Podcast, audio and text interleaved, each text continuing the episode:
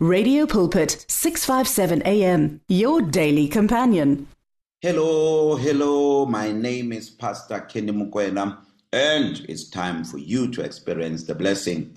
We are continuing with our theme today titled The Last Days. Let's start with the word of prayer. Father, thank you so much for this conversation, Lord God, that we are in. We thank you for giving us understanding. We thank you for the lives that you are impacting, the souls that are getting saved as a result of this message.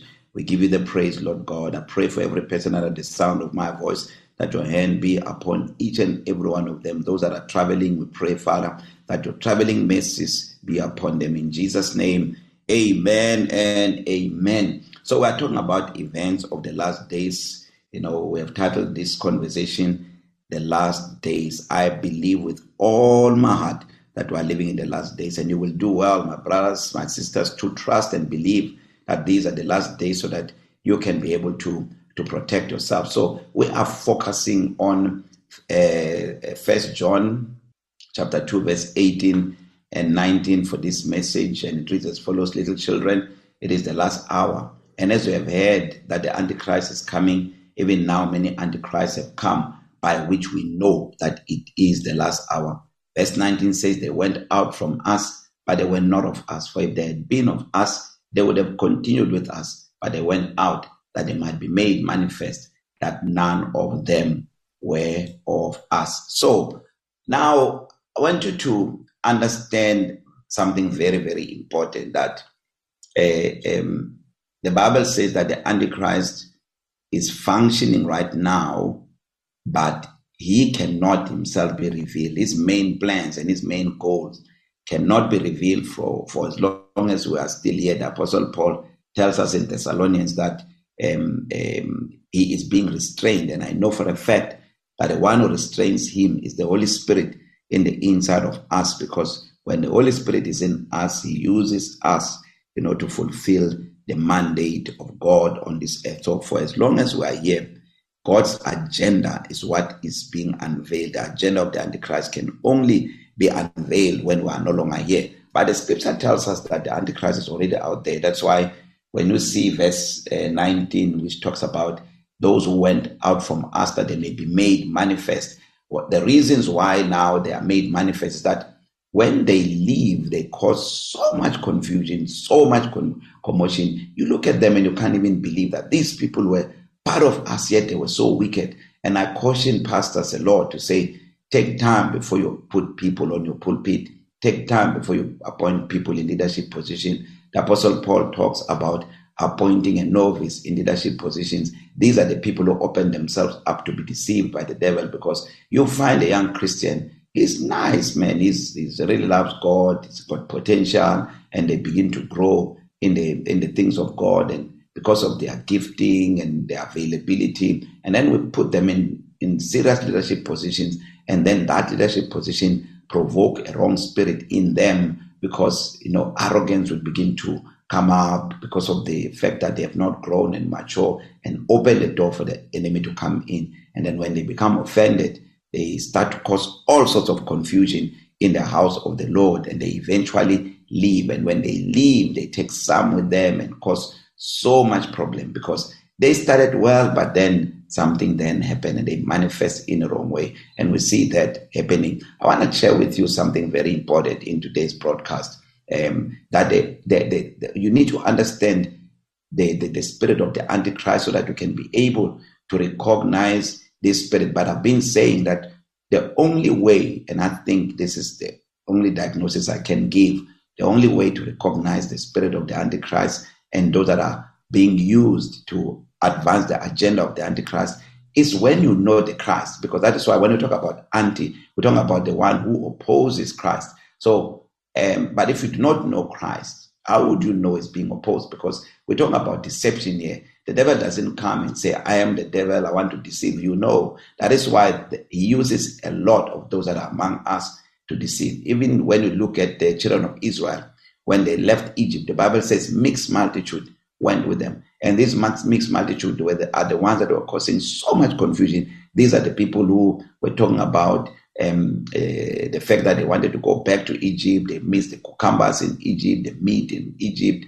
and and and and, and so on. And these are the people who got who got uh, the children of Israel to be in trouble with God. So we see them even in churches planted by the enemy to cause confusion. But some of them, the devil uses them unaware that that they're being used by the devil because of their immaturity and they are, and, and they are not availing themselves to be taught, you know, proper um, uh, doctrine so that they can grow. Today, the, the Apostle Paul talks about that in the last days, many will heap up preachers for themselves who will tickle their ears you know, who these people are going to follow deceptive teachings that uh, support the error that they hold. And I'm telling you, we see that happening right now. So um, the Antichrist is actually one who puts himself in the place of or one who opposes Christ the Messiah. So the Antichrist will come one day. Jesus tells us this in the book of Matthew, chapter 24, verse 5, that uh, the Antichrist will come and say, I am he. He says, Many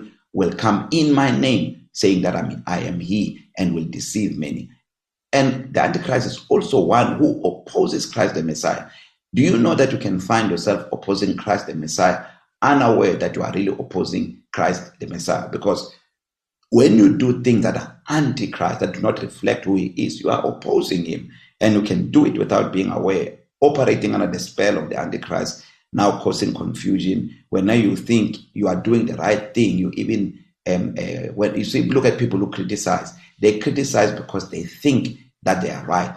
Um, it's, it's like a teenager who opposes their parents. They are vehemently opposing their parents, thinking that they are right, but yet they are so much in you know immaturity, rebellion, and disobedience without even sometimes being aware that they are like that. You find even adults in ministries who have not grown in the things of God because you can be in a church for many years, but you have not grown. And these are the people who cause divisions in the church because they hold wrong doctrines and they look up for scriptures that will support the error they hold. They look up, uh, up for preachers who will support the error that they hold. And they, they, they, they preach even doctrines, messages that are inspired by demons. And I tell you, these are the days that we are living and we are actually seeing that. So the Antichrist is also one who opposes Christ, the Messiah, one who resembles a character that is not Christ. Because every time you call yourself a Christian, but your character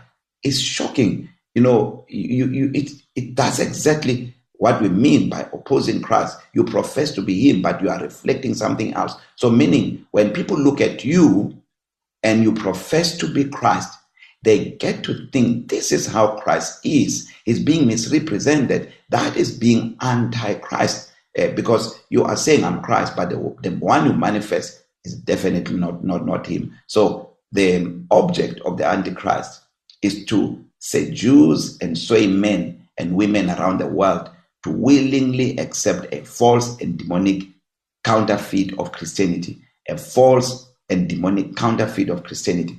There is that kind of stuff that we see happening right now. I mean, you hear a person says, I am a Christian, but man, the things that come out of their mouth, oh my goodness, will shock you to say, is this one really a Christian? And some of them, they are not even aware that they, have, they are under a spell of a wrong spirit. That's why you know, uh, the Apostle Paul teaches Timothy says many people in the last days they will they will you know uh, uh, um, what do you call it? They will embrace sermons that are coming from ins- or are inspired by demons. And this is what we're talking about. This is what we see right now. So the object of the Antichrist is to seduce men, to sway them away from the true Christianity into counterfeit Christianity. So the Antichrist wants to erase true Christianity from the face of the earth and replace it with a religion that sounds like true Christianity and uses the name of Jesus Christ, but opposite of the Christianity that Jesus Christ taught and exemplified. Underline that part. The Christianity that Jesus Christ taught and exemplified. The Christianity that the Apostle Paul taught and exemplified. That is why uh, uh, the Apostle Paul talks about those who preach another Jesus other than the one that we taught. So we see these things happening in these last days. But let me tell you this now. If you do not know Jesus Christ by revelation, when counterfeit Christianity is introduced, those that fill churches in other places where you only find stuff that is preached but it's not reflecting Christ. It's not reflecting what Jesus Christ exemplified. You know, men drawing attention to themselves instead of pointing them to Christ. You know, places where people are encouraged to do things that are not even that can't even be, spoke, be spoken in Christianity. Be careful about these things because if you are not um, uh, grounded yourself in the Word of God, you can't hear the voice of God. You can't differentiate between the voice of God and the voice of you know um, uh, the enemy. That's why Jesus says, "My sheep knows and hears my voice. My sheep knows my voice." and the voice of a stranger they will follow they will not follow this is what we're talking about where so many voices are speaking the voice of the holy spirit is lost in so many voices we can't tell anymore which one is the voice of the holy spirit and which one is the voice of god so in Second timothy 3 verse 1 to 5 the apostle paul says you should know this timothy that in the last days there will be very difficult times for people who love only themselves and their money. They will be boastful and proud, scoffing at God, disobedient to their parents, and ungrateful. They will consider nothing sacred.